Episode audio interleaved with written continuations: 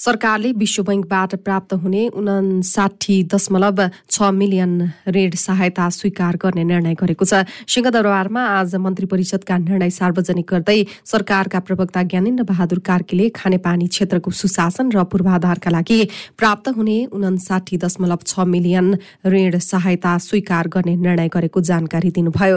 बैठकले हरित ग्यास उत्सर्जन न्यूनीकरणका लागि प्राप्त हुने अमेरिकी डलर एक्काइस मिलियन सहायता स्वीकार गर्ने निर्णय गरेको छ। बैठकले नेपाल प्रहरीमा क्षमता सहितको साइबर ब्यूरो स्थापनाका लागि कोरियाबाट प्राप्त हुने अमेरिकी डलर अनुदान सहायता स्वीकार गर्ने निर्णय पनि गरेको छ भने पहाड़ी क्षेत्रमा काष्ठफल र फलफूल आयोजनाका लागि एसियाली विकास बैङ्कबाट सहुलियतपूर्ण ऋण तथा अनुदान सहायता सम्बन्धी अन्तिम रूप दिन अर्थ मन्त्रालयको सहसचिवको नेतृत्वमा वार्ता टोली गठन गर्ने निर्णय भएको प्रवक्ता कार्कीले बताउनुभयो। बैठकले प्रत्येक वर्ष वैशाख एक गते हर जग्गा लिखित रजिस्ट्रेसन दिवस मनाउन स्वीकृत प्रदान गर्ने विभिन्न तेइस जिल्लाका दुई लाख तेइस हजार तीन सय तीस गरीब परिवारको सूची सूचीकृत गर्ने निर्णय पनि गरेको प्रवक्ता कार्कीले जानकारी दिनुभयो विभिन्न तेइस जिल्लाका दुई लाख तेइस हजार तिन सय तिस गरीब परिवारको सूची स्वीकृत गर्ने। बागमती प्रदेश ट्राफिक प्रहरी कार्यालयलाई चितवन जिल्लाको भरतपुर नगरपालिका वडा नम्बर एक रामनगर स्थित स्वतन्चुली सामुदायिक वनको कुल जम्मा जिरो दशमलव छयालिस हेक्टर वन क्षेत्र प्रयोग गर्न स्वीकृति मन्त्री परिषदले नेपाल दूरसञ्चार प्राधिकरणको प्राविधिक सदस्यमा रविन्द्र झा र लेखा तथा परीक्षण सदस्यमा गोकर्ण प्रसाद सिटौलालाई नियुक्त गरेको छ भने नेपाल प्रशासन सेवा समूहीकरण तर्फको राजपत्राङ्कित विशिष्ट रिक्त पदमा सहसचिव डाक्टर गोपी कृष्ण खनाललाई बढुवा गरेको छ। वैदेशिक रोजगारबाट फर्किएका व्यक्तिहरूका लागि पुनः एकीकरण कार्यक्रम सञ्चालन तथा व्यवस्थापिका निर्देशिका दुई हजार उना अस्सी स्वीकृत गर्ने निर्णय पनि बैठकले गरेको छ। निर्वाचन आयोगले प्रतिनिधि सभा र प्रदेशसभाको निर्वाचन मङ्सिर दुई गते शुक्रबार एकै चरणमा गर्न सरकारलाई सुझाव दिएको छ। प्रधानमन्त्री शेरबहादुर देवाको सरकारी निवास बालाटरमा पुगेर आज प्रमुख निर्वाचन आयुक्त दिनेश कुमार थपलिया सहितको टोलीले मङ्सिर दुईमा निर्वाचन गर्न सुझाव दिएको निर्वाचन आयोगका प्रवक्ता शालिग्राम शर्मा पौडेलले जानकारी दिनुभएको हो। निर्वाचन आयोग ऐन दुई हजार त्रिहत्तर तथा निर्वाचन सम्बन्धी कानूनले प्रतिनिधि सभा तथा प्रदेशसभा सदस्यको निर्वाचनको मिति निर्वाचन आयोगको परामर्शमा नेपाल सरकारले तोक्ने व्यवस्था गरेको छ। आयोगले दुई हजार चौहत्तर सालको निर्वाचनबाट निर्वाचित प्रतिनिधि सभा तथा प्रदेशसभा सदस्यको पदावधि आगामी दुई हजार उनासी मङ्सिर बाइस गते पूरा हुने पनि निष्कर्ष निकालेको छ। यस्तै निर्वाचन आयोगले प्रदेश र प्रतिनिधि सभा सदस्यको निर्वाचनका लागि दस अर्ब बजेट माग गरेको छ। आयोगले प्रधानमन्त्री देउवासँगको भेटवार्ताका क्रममा निर्वाचनका लागि करिब दस अर्ब खर्च हुने प्रारम्भिक अनुमान पेश गरेको आयोगका प्रवक्ता शालिग्राम शर्मा पौडेलले बताउनुभयो। यसअघि दुई हजार चौहत्तरको प्रदेश र प्रतिनिधि सभा सदस्यको निर्वाचन सम्पन्न गर्न सात अर्ब अस्सी करोड खर्च भएको थियो। अर्थमन्त्री जनार्दन शर्माले पदबाट राजीनामा दिनुभएको छ। प्रतिनिधि सभाको आजको बैठकमा शर्माले आफूमाथि निष्पक्ष रूपमा छानबिन गर्नका लागि पदबाट राजीनामा दिएको घोषणा गर्नुभएको हो। सो क्रममा उहाँले आफूले देश र जनतालाई केन्द्रमा राखेर बजेट विनियोजन गरिएको दावी गर्नुभयो। मुलुकको आर्थिक विकासका लागि काम गर्नु आफ्नो अपराध नभएको उहाँले बताउनुभयो। शर्माले बजेट बनाउँदा आफूले कुनै अनधिकृत व्यक्तिलाई मन्त्रालय प्रवेश नगराएको जिकिर गर्नुभयो। उहाँले सीसीटीभीको प्राविधिक पक्षबारे जानकारी नभएको भन्दै यसबारे जनतामा भ्रम पैदा गर्न खोजेको गुनासो गर्नुभयो। शर्माले आफू मुलुकको ठूला ठूला आन्दोलनमा सहभागी भएको र आफ्नो प्रतिबद्धताबाट नझुकेको भन्दै बजेट निर्माणका क्रममा पनि आफ्नै नैतिकतालाई डगमगिन नदिएको बताउनुभयो। उहाँले एउटा मात्र नभई हजारौं छानबिनका लागि तयार रहेको तर्क गर्नुभयो। छानबिन गरियोस्। एउटा संसदीय छानबिन मात्रै होइन। सबै छानबिनको लागि म तयार छु। एउटा राजनीतिक व्यक्ति भएको नाताले आज आम नागरिकले विषय उठाएको कारण यो भ्रम सिर्जना भएर जुन समस्या मैले देखिरहेको छु त्यसलाई सत्य तथ्यले नै स्पष्ट गर्नेछ भन्ने कुरा म यहाँ राख्न चाहन्छु। तथ्य सत्यका अगाडि म उपस्थित भएर फेरि म आफ्ना विषयवस्तुहरूलाई आफ्नो अभियानलाई आफ्नो कामलाई अगाडि बढाउने देश र जनताको पक्षमा लाग्ने प्रतिबद्धता पनि गर्छु म धन्यवाद दिन चाहन्छु मेरो राजीनामा माग्ने नागरिक समाजलाई युवा पङ्क्तिलाई। मैले गल्ती गरेको छैन तपाईँहरूको आवाजलाई सम्मान गरेर मैले राजीनामा दिएको छु। तथ्यमा गइदिनु होला। धन्यवाद। यस्तै उहाँले छानबिन समितिको रिपोर्ट आएपछि आफ्नो आत्मविश्वास प्रष्ट हुने तर्क गर्नुभयो। बजेट निर्माण गर्दा आफूले स्थापित मूल्य मान्यता अनुसार नै काम गरेको उहाँको भनाइ छ। त्यसअघि प्रतिनिधि सभा बैठकले अर्थमन्त्री शर्माका विषयमा अध्ययन गर्न संसदीय छानबिन विशेष समिति गठन गरेको थियो। एघार सदस्यीय विशेष समितिलाई बजेटमा करका दर हेरफेर गर्ने सम्बन्धमा अनधिकृत व्यक्ति प्रवेश गरेको विषय छानबिन गरी दस दिनभित्र प्रतिवेदन पेश गर्न कार्यादेश दिइएको सभामुख अग्नि प्रसाद सापकोटाले जानकारी दिनुभयो। समितिमा खगराज अधिकारी देव गुरूङ प्रदीप केवाली भानुभक्त ढकाल विमला विक लक्ष्मणलाल कर्ण शक्ति बस्नेत सरला यादव सीताराम महतो र सुरेन्द्र प्रसाद यादव रहनु भएको सभामुख सापकोटाले जानकारी दिनुभयो। सत्य तथ्य छानबिन गरी सुझाव सहितको प्रतिवेदन तयार गरी सभा समक्ष पेश गर्ने समितिको कार्यविधि प्रचलित कानूनको अधीनमा रही समिति आफैले सभापतिको चयन एवं आफ्नो कार्यविधि व्यवस्थित गर्न सक्नेछ। समितिले आवश्यक देखेमा सम्बन्धित अन्य व्यक्तिको सहयोग लिन सक्नेछ। समितिको कार्यविधि कार्य प्रारम्भ गरेको मितिले दस दिनसम्मको लागि हुनेछ। मान्य सदस्यहरू उक्त संसदीय विशेष समिति गठन सम्बन्धी प्रस्तावलाई सहमति जनाइदिन हुन अनुरोध गर्दछु। शर्मामाथि बजेट घोषणाको अघिल्लो रात जेठ चौध गते अनधिकृत व्यक्तिलाई प्रवेश गराएर करका दर हेरफेर गरेको र सीसीटीभी फुटेज अर्थ मन्त्रालयका कर्मचारीको मिलेमतोमा डिलिट गराइएको आरोप लागेको छ। यसैबीच नेकपा माओवादी केन्द्रका नेता वर्षमान पुनले संसदीय छानबिन समितिबाट आरोप पुष्टि नभए जनार्दन शर्मा नै अर्थमन्त्री बन्ने दावी गर्नुभएको छ। अहिले छानबिनका लागि मार्ग प्रशस्त मात्र भएको भन्दै उहाँले आरोप पुष्टि नभए शर्मा नै अर्थमन्त्री बन्ने दावी गर्नुभएको हो। संसद भवनमा सञ्चारकर्मीहरूसँग कुरा गर्दै उहाँले छानबिन नसकिएसम्म माओवादीले अर्थमन्त्रीमा कसैलाई नपठाउने पनि जिकिर गर्नुभयो। पुनले अर्थमन्त्रीले राजीनामा दिएर शर्माले उच्च राजनीतिक नैतिकता देखाएको पनि बताउनुभयो।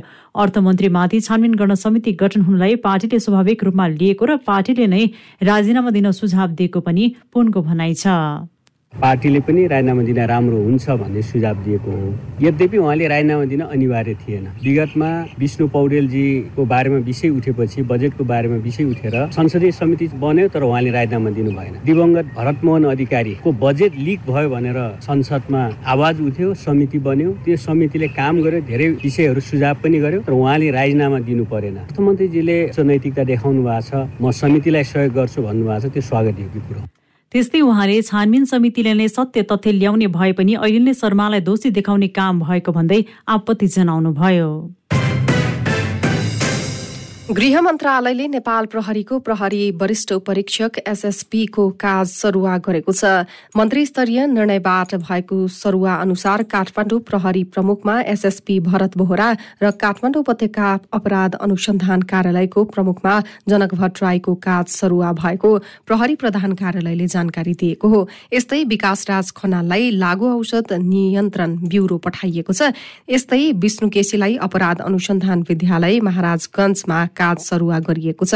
त्यस्तै राष्ट्रिय सुरक्षा परिषदको सचिवालय सिंहदरबारमा कार्यरत कुबेर कडायतलाई विपद व्यवस्थापन महाशाखा र प्रहरी प्रधान कार्यालयको सुपरिवेक्षण तथा अनुगमन महाशाखामा कार्यरत अनुराग द्विवेदीलाई मानव बेचबिखन नियन्त्रण ब्यूरोमा काज सरुवा गरिएको छ। सरकारले आइतबार सार्वजनिक विदा दिने निर्णय गरेको छ। इस्लाम धर्मावलम्बीहरूको पर्व बकर ईद ईद उल बकाहाका अवसरमा आइतबार विदा दिने भएको हो। सो पर्व यही असार छब्बिस गते आइतबारका दिन पर्ने भनी मुस्लिम आयोगबाट अनुरोध भई आएकाले सो दिन मुलुकभर सार्वजनिक विदा कायम गर्ने निर्णय गरेको गृह मन्त्रालयले आज एक सूचना जारी गरी जनाएको छ। विक्रम सम दुई हजार अठहत्तर फागुन छब्बिस गते नेपाल राजपत्रमा प्रकाशित सूचनामा बकर ईदका अवसरमा सार्वजनिक विदा दिने उल्लेख छ। नेकपा माओवादी केन्द्रको केन्द्रीय कमिटिको बैठक भोलिसम्मका लागि स्थगित भएको छ। आज दिउँसो एक बजे बोलाइएको माओवादी बैठक भोलि बिहान एघार बजे बस्ने गरी स्थगित भएको माओवादी नेता रामनारायण बिराडीले जानकारी दिनुभयो। अध्यक्ष पुष्पकमल दाहाल प्रचण्डले पार्टीको संगठनात्मक प्रस्तावलाई अन्तिम रूप दिन थप समय लाग्ने देखिएपछि बैठक सारिएको बताइएको छ। बिडारीले पार्टीको आन्तरिक तयारीका साथै संसदमा शीर्ष नेताहरू गम्भीर विषयको छलफलमा केन्द्रित हुनु परेकाले बैठक स्थगित गरिएको बताउनुभयो। केही हाम्रा शीर्ष नेताहरू सहितका माननीय सदस्यहरू केन्द्रीय सदस्य रहेकाहरू पनि त्यहाँ जानुपर्ने हो। त्यो विषयलाई टुङ्गो लाउनु पर्ने हो। त्यसमा छानबिन गर्ने कि नगर छानबिन समिति बनाउनु पर्ने कि नपर्ने यसबारेमा विस्तृत र व्यापक रूपमा प्रतिपक्षी दलहरूसँग पनि कुराकानी गर्नुपर्ने हो। त्यस कारणले आजलाई बैठक स्थगित गरेर भोलि एघार बजी बैठक हुन्छ। आइतबारबाट शुरू भएको माओवादी केन्द्रीय समितिको बैठकमा सोमबार एकचालिसजना केन्द्रीय सदस्यहरूले धारणा राखेका थिए। भोलि बस्ने बैठकमा अध्यक्षले उठेका प्रश्नहरूको जवाब दिने संगठनात्मक तथा राजनैतिक प्रस्ताव पास गरेर बैठक सक्ने माओवादीको तयारी छ। अन्तिम समयमा बैठक स्थगित भएपछि प्रज्ञा भवनमा पुगेका केन्द्रीय सदस्यहरू फर्किएका थिए। नेपाल कम्युनिष्ट पार्टीका महासचिव नेत्र विक्रम चन्द विप्लवले आगामी निर्वाचनमा पार्टीले भाग नलिने बताउनु भएको छ। काठमाडौँमा आज आयोजित पार्टी प्रवेश कार्यक्रममा विप्लवले हरेक मोर्चामा पार्टी जनतासँग सँगै रहने र निर्वाचनमा भने भाग नलिने बताउनु भएको हो। उहाँले जनताका मुद्दाहरूलाई अघि बढाउनका लागि क्रान्तिकारी मोर्चाको विषयमा छलफल गर्ने पनि बताउनुभयो। त्यस्तै उहाँले अमेरिकी सैन्य सहयोग स्टेट पार्टनरसिप प्रोग्राम एसपिपी कुनै हालतमा लागू हुन नदिने चेतावनी दिनुभयो। मुलुकमा भएको स्रोत र साधनलाई कब्जा गरी परनिर्भरता बनाउन खोजेको आरोप लगाउँदै उहाँले त्यसको प्रतिरोध गर्ने उहाँको भनाइ छ। उहाँले एमसिसी र एसपिपीका सन्दर्भमा कङ्ग्रेस अमेरिकाप्रति वफादार देखेको पनि धारणा राख्नुभयो। उहाँले एमसिसी विरुद्ध आन्दोलनमा उत्रिँदा पक्राउ परेका विद्यार्थीहरूसँग लाखौं रुपियाँ धरोटी मागेको प्रति आपत्ति जनाउनुभयो। राजासँग सेनालाई मिलाएर अरू पार्टीलाई प्रतिबन्ध लगाउने तयारी गरिएको केही नेताले भन्ने गरेको आफूले सुनेको भन्दै उहाँले देशहित विपरीत काम गर्नेलाई प्रतिबन्ध लगाउने जिकिर गर्नुभयो।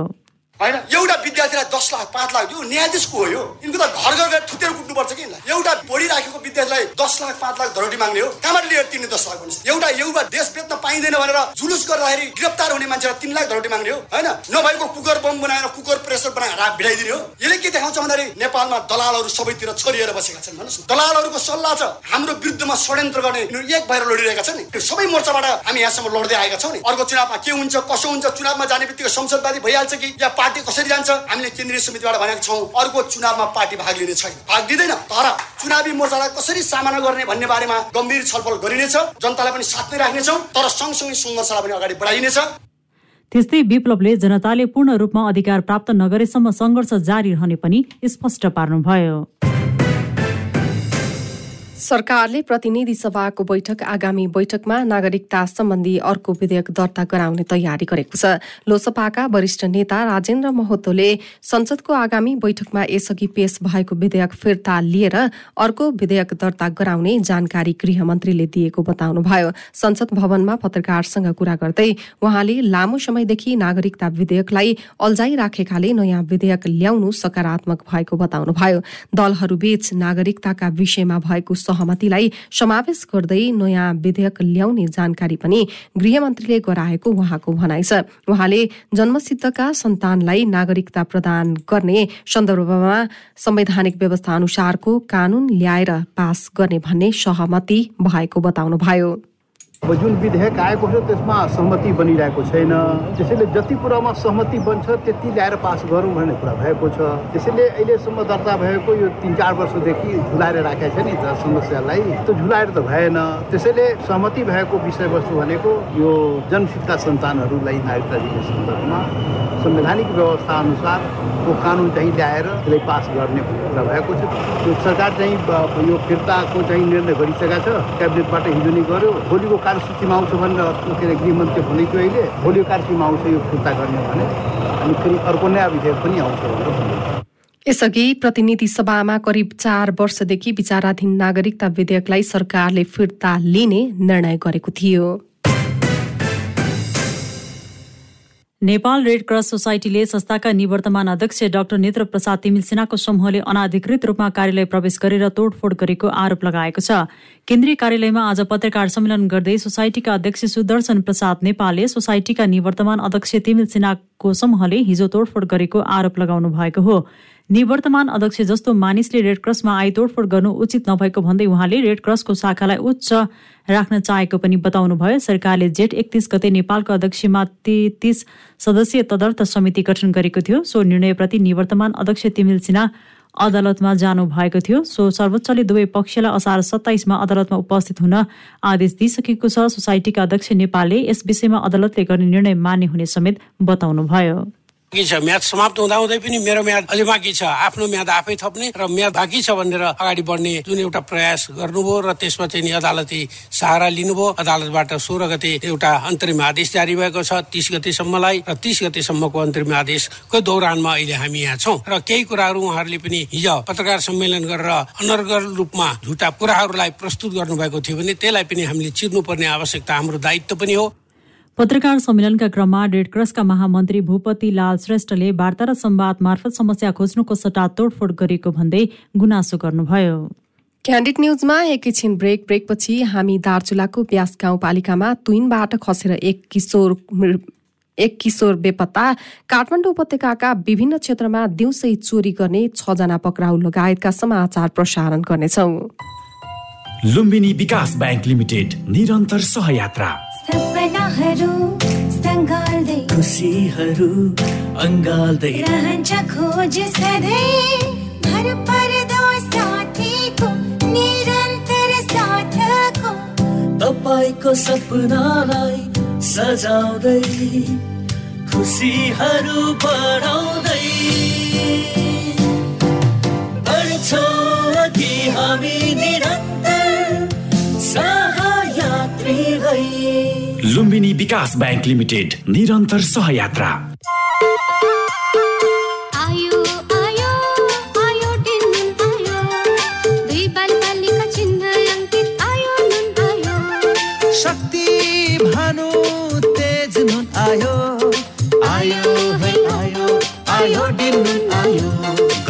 महिला बाल बालिका र हामी सबैको शारीरिक र मानसिक विकासको लागि दुई बाल बालिका चिन्ह अङ्कित आयो शक्ति भानु तथा तेज आयोडिन युक्त नुन मात्र प्रयोग गरौँ। साल ट्रेडिङ कर्पोरेसन लिमिटेड।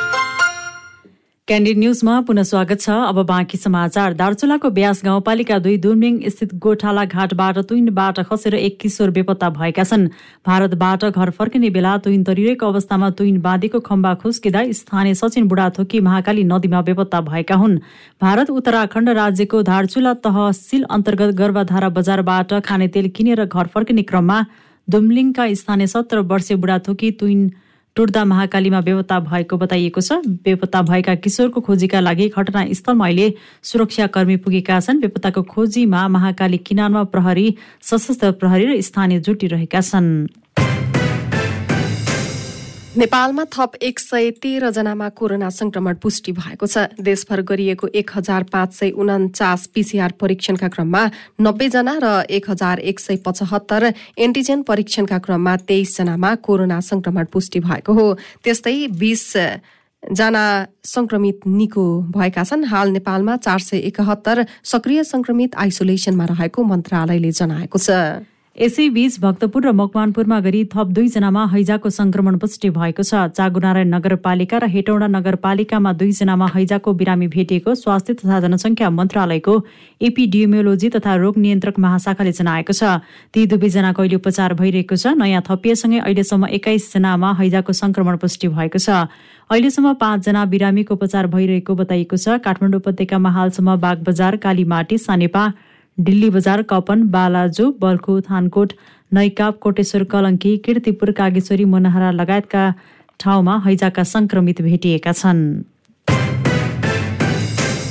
प्रहरीले काठमाडौँ उपत्यकाका विभिन्न क्षेत्रमा दिउँसै चोरी गर्ने छजनालाई पक्राउ गरेको छ। काठमाडौँ उपत्यका अपराध अनुसन्धान कार्यालयको टोलीले उनीहरूलाई विभिन्न स्थानबाट चोरी गरेको आरोपमा पक्राउ गरेको हो।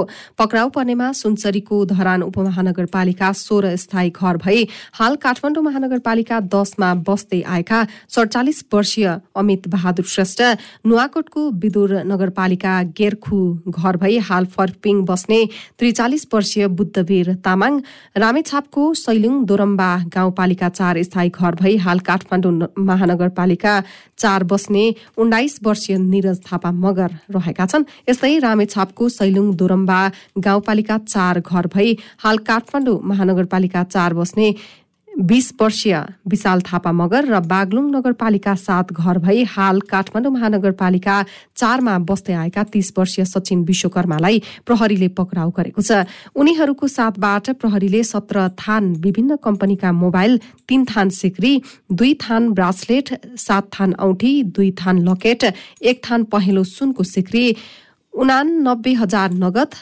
र दुई सय बीस सिसीको निलो पल्सर बाइक समेत प्रहरीले बरामद गरेको छ। पक्राउ परेका उनीहरूमाथि थप कानूनी कार्यवाहीका लागि जिल्ला प्रहरी परिसर टेकु पठाइएको छ। नेपाल प्रहरी श्रीमती संघले महिला हिंसा सम्बन्धी सचेतना कार्यक्रम अन्तर्गत काठमाडौँ उपत्यका ट्राफिक प्रहरी कार्यालयलाई स्टिकरण हस्तान्तरण गरेको छ। ट्राफिक प्रहरी कार्यालयमा आज संघका तर्फबाट अध्यक्ष कुसुम लता सिंहले ट्राफिक प्रहरी कार्यालयका प्रमुख उमेश राज जोशीलाई जनसचेतनामूलक स्टिकर हस्तान्तरण गर्नुभएको हो। कार्यक्रममा ट्राफिक प्रहरी कार्यालयका प्रमुख जोशीले यातायात व्यवसायीहरूसँगको सहकारीमा सार्वजनिक यातायातका साधनमा स्टिकरण गरिने पनि बताउनुभयो। उहाँले अहिले पनि लेन थपेर मात्रै ट्राफिक समस्या समाधान नहुने भन्दै जनचेतना आवश्यक रहेको पनि बताउनुभयो। त्यस्तै श्रीमती सङ्घीय अध्यक्ष सिंहले यौन तथा महिला हिंसा अन्त्य गर्न प्रहरीले गरेको काममा श्रीमती सङ्घले पनि सहकार्य गर्न खोजेको बताउनुभयो। स्टिकरण हस्तान्तरणसँगै उपत्यका ट्राफिक प्रहरी कार्यालयले आजबाट सवारी साधनमा महिला हिंसा सम्बन्धी जनसचेतनामूलक स्टिकर टाँच्न सुरु गरेको छ। वायु सेवा कम्पनीले हवाई भाडा दर बढाएको छ। नेपाल आयल निगमले हवाई इन्धनको मूल्य बढाएसँगै वायु सेवा सञ्चालक सङ्घले नयाँ भाडा दर कायम गरेको हो। काठमाडौँबाट सबैभन्दा लामो रुट धनगढीका लागि अब सबैभन्दा धेरै दुई सय बिस रुपियाँ भाडा दर वृद्धि भएको छ। नयाँ भाडा दर अनुसार अब काठमाडौँबाट धनगढी पुग्न अधिकतम सत्र हजार पच्चिस रुपियाँ लाग्ने भएको छ। यस्तै काठमाडौँबाट पर्वती उडानको भाडा चौध हजार आठ सय नब्बे रुपियाँ पुगेको छ। सो रुटमा एक सय सत्तरी रुपियाँ भाडा दर वृद्धि भएको छ। सबैभन्दा कम काठमाडौँबाट सिमराका लागि पैँतालिस रुपियाँ बढेको छ। सो रुटमा अब अधिकतम चार हजार दुई सय चालिस रुपियाँ भाडा लाग्ने भएको छ। त्यस नेपाल आयल निगमले हवाई इन्धनको मूल्यमा प्रति लिटर पाँच रुपियाँले बढाएको थियो। अहिले हवाई इन्धनको मूल्य एक सय पचासी रुपियाँबाट प्रति लिटरमा एक सय नब्बे रुपियाँ पुगेको छ। त्यसै गरी काठमाडौँदेखि विराटनगरसम्मका पुग्नका लागि अब दस हजार दुई सय पाँच रुपियाँ लाग्ने भएको छ। भारत पश्चिम बंगालको सिलिगुडीदेखि झापा हुँदै काठमाडौँसम्मका दुईवटा यात्रुवाहक बस सेवा आजदेखि सुचारू भएको छ। North Bengal State Transport Corporation NBSTC र निजी कम्पनी ग्रीन लाइनको पहलमा सिलिगुडी काठमाडौँ अन्तर्राष्ट्रिय बस सेवा शुरू भएको हो। पश्चिम बंगालका यातायात मन्त्री फिराहाद हाकिमले आज एक कार्यक्रमका बीच सो बस सेवाको उद्घाटन गर्नुभएको हो। उद्घाटन कार्यक्रममा बोल्दै यातायात मन्त्री हकिमले नेपाल भारत दुई देश बीचको अन्तर्राष्ट्रिय बस सेवा धेरै पहिला नै शुरू गर्नुपर्ने भए पनि ढिलै भए पनि सो बस सेवाबाट दुवै देशका नागरिकलाई फाइदा पुग्ने विश्वास व्यक्त गर्नुभयो। एनबीएसटीसीका चेयरम्यान पार्थ प्रतिम रायले ग्रीन लाइन निजी कम्पनीको सहयोगमा अन्तर्राष्ट्रिय बस सेवा शुरू भएको बताउनुभयो। सिलिगुडीबाट प्रत्येक सोमबार बुधबार शुक्रबार र काठमाडौँबाट प्रत्येक मंगलबार बिहिबार र शनिबार बस सेवा सञ्चालन हुनेछ। शेयर बजार परिसूचक नेप्से आज भने झिनो अङ्कले बढेको छ। नेप्से आज दुई हजार चार दशमलव नौ दुई अङ्कले बढेर तेह्र दशमलव तिन तिन बिन्दुमा पुगेको हो। आज दुई सय अठाइसवटा कम्पनीका बैसठी लाख त्रिसठी हजार तिन सय दस किता सेयर कुल दुई अर्ब सत्र करोड छयासी लाख पचपन्न हजार सात सय एक रुपियाँमा कारोबार भएको छ। आज सिवाइसी नेपाल लघुवित्त र लाइफ इन्सुरेन्स कर्पोरेसन नेपालको सेयर मूल्य दस प्रतिशतले बढेको छ। त्यस्तै ड्याङ्दी ग्रुप पावरको सेयर भने तीन प्रतिशतले घटेको छ। आज banking non life insurance mutual fund बाहेक सबै उपसमूहको सेयर सामान्य अङ्कले उकालो लागेको छ। कारोबार रकमका आधारमा आज Gorkha Finance Life Insurance Corporation Civil Bank Himalayan Distillery र माथिल्लो तामाकोची क्रमशः अगाडि रहेका छन्। क्यान्डिड न्यूजमा अब अन्तर्राष्ट्रिय समाचार। अफगानिस्तानमा बम आक्रमणमा एकजनाको मृत्यु भएको छ। अफगानिस्तानको उत्तरी कुन्दुज प्रान्तमा रहेको एक मस्जिदमा गराइएको बम आक्रमणमा अन्य छजना घाइते भएका छन्। श्रद्धालुहरूले प्रार्थना गरिरहेका बेला बम विस्फोट भएको पाकिस्तानबाट प्रकाशित हुने डन अखबारको अनलाइन संस्करणले जनाएको छ। फिजीमा पनि पाँच वर्षदेखि एघार वर्षसम्मका बालबालिकालाई कोरोना भाइरस विरुद्धको खोप लगाउन सुरु गरिएको छ। फिजीको स्वास्थ्य मन्त्रालयले बालबालिकालाई कोरोना भाइरसबाट जोगाउन फाइजर खोप लगाउन थालिएको जनाएको हो। सो उमेर समूहका एक लाख बत्तीस हजार आठ सय त्रियानब्बे बालबालिकालाई खोप लगाउनु पर्ने भएकाले त्यही अनुसारको तयारी गरिएको पनि मन्त्रालयको भनाइ छ। फिजीका स्थायी स्वास्थ्य सचिव जाम्स फोङगकले कोरोना भाइरसको महामारी फैलिने खतरालाई मध्यनजर गर्दै बालबालिकालाई खोप लगाउने निर्णय गरिएको जानकारी दिनुभयो। उहाँले बालबालिकालाई आवश्यक पर्ने सबै खोपको व्यवस्था गरिएको र कुनै नकारात्मक असर नपर्ने पनि दावी गर्नुभयो। क्यान्डिड न्युजमा अब खेलकुदका समाचार। क्यानाडा भ्रमणमा रहेको नेपाली राष्ट्रिय क्रिकेट टोलीले आज घरेलु टोलीको सामना गर्दैछ। दोस्रो एक दिवसीय अन्तर्गत नेपालले आज क्यानाडाको सामना गर्न लागेको हो। किङ सिटी स्टेडियममा हुने खेल नेपाली समय अनुसार राति पाउने नौ बजे शुरू हुनेछ। नेपाल दुई खेलको एक दिवसीय सिरिजका लागि क्यानाडा पुगेको हो। हिजो हुने भनिएको पहिलो एक दिवसीय भने वर्षाका कारण रद्द भएको थियो। क्यानाडासँगको सिरिजपछि नेपाली टोली स्कटल्याण्ड प्रस्थान गर्नेछन्। नेपालले स्कटल्याण्डमा हुने लिग टू अन्तर्गतको सिरिजमा घरेलु टोली र नामिबियासँग खेल्नेछ। नेपाली कप्तान तथा लेग स्पिनर सन्दीप लामिछानेले Jamaica तालबाजबाट Caribbean Premier League CPL T twenty league खेल्ने भएका छन्।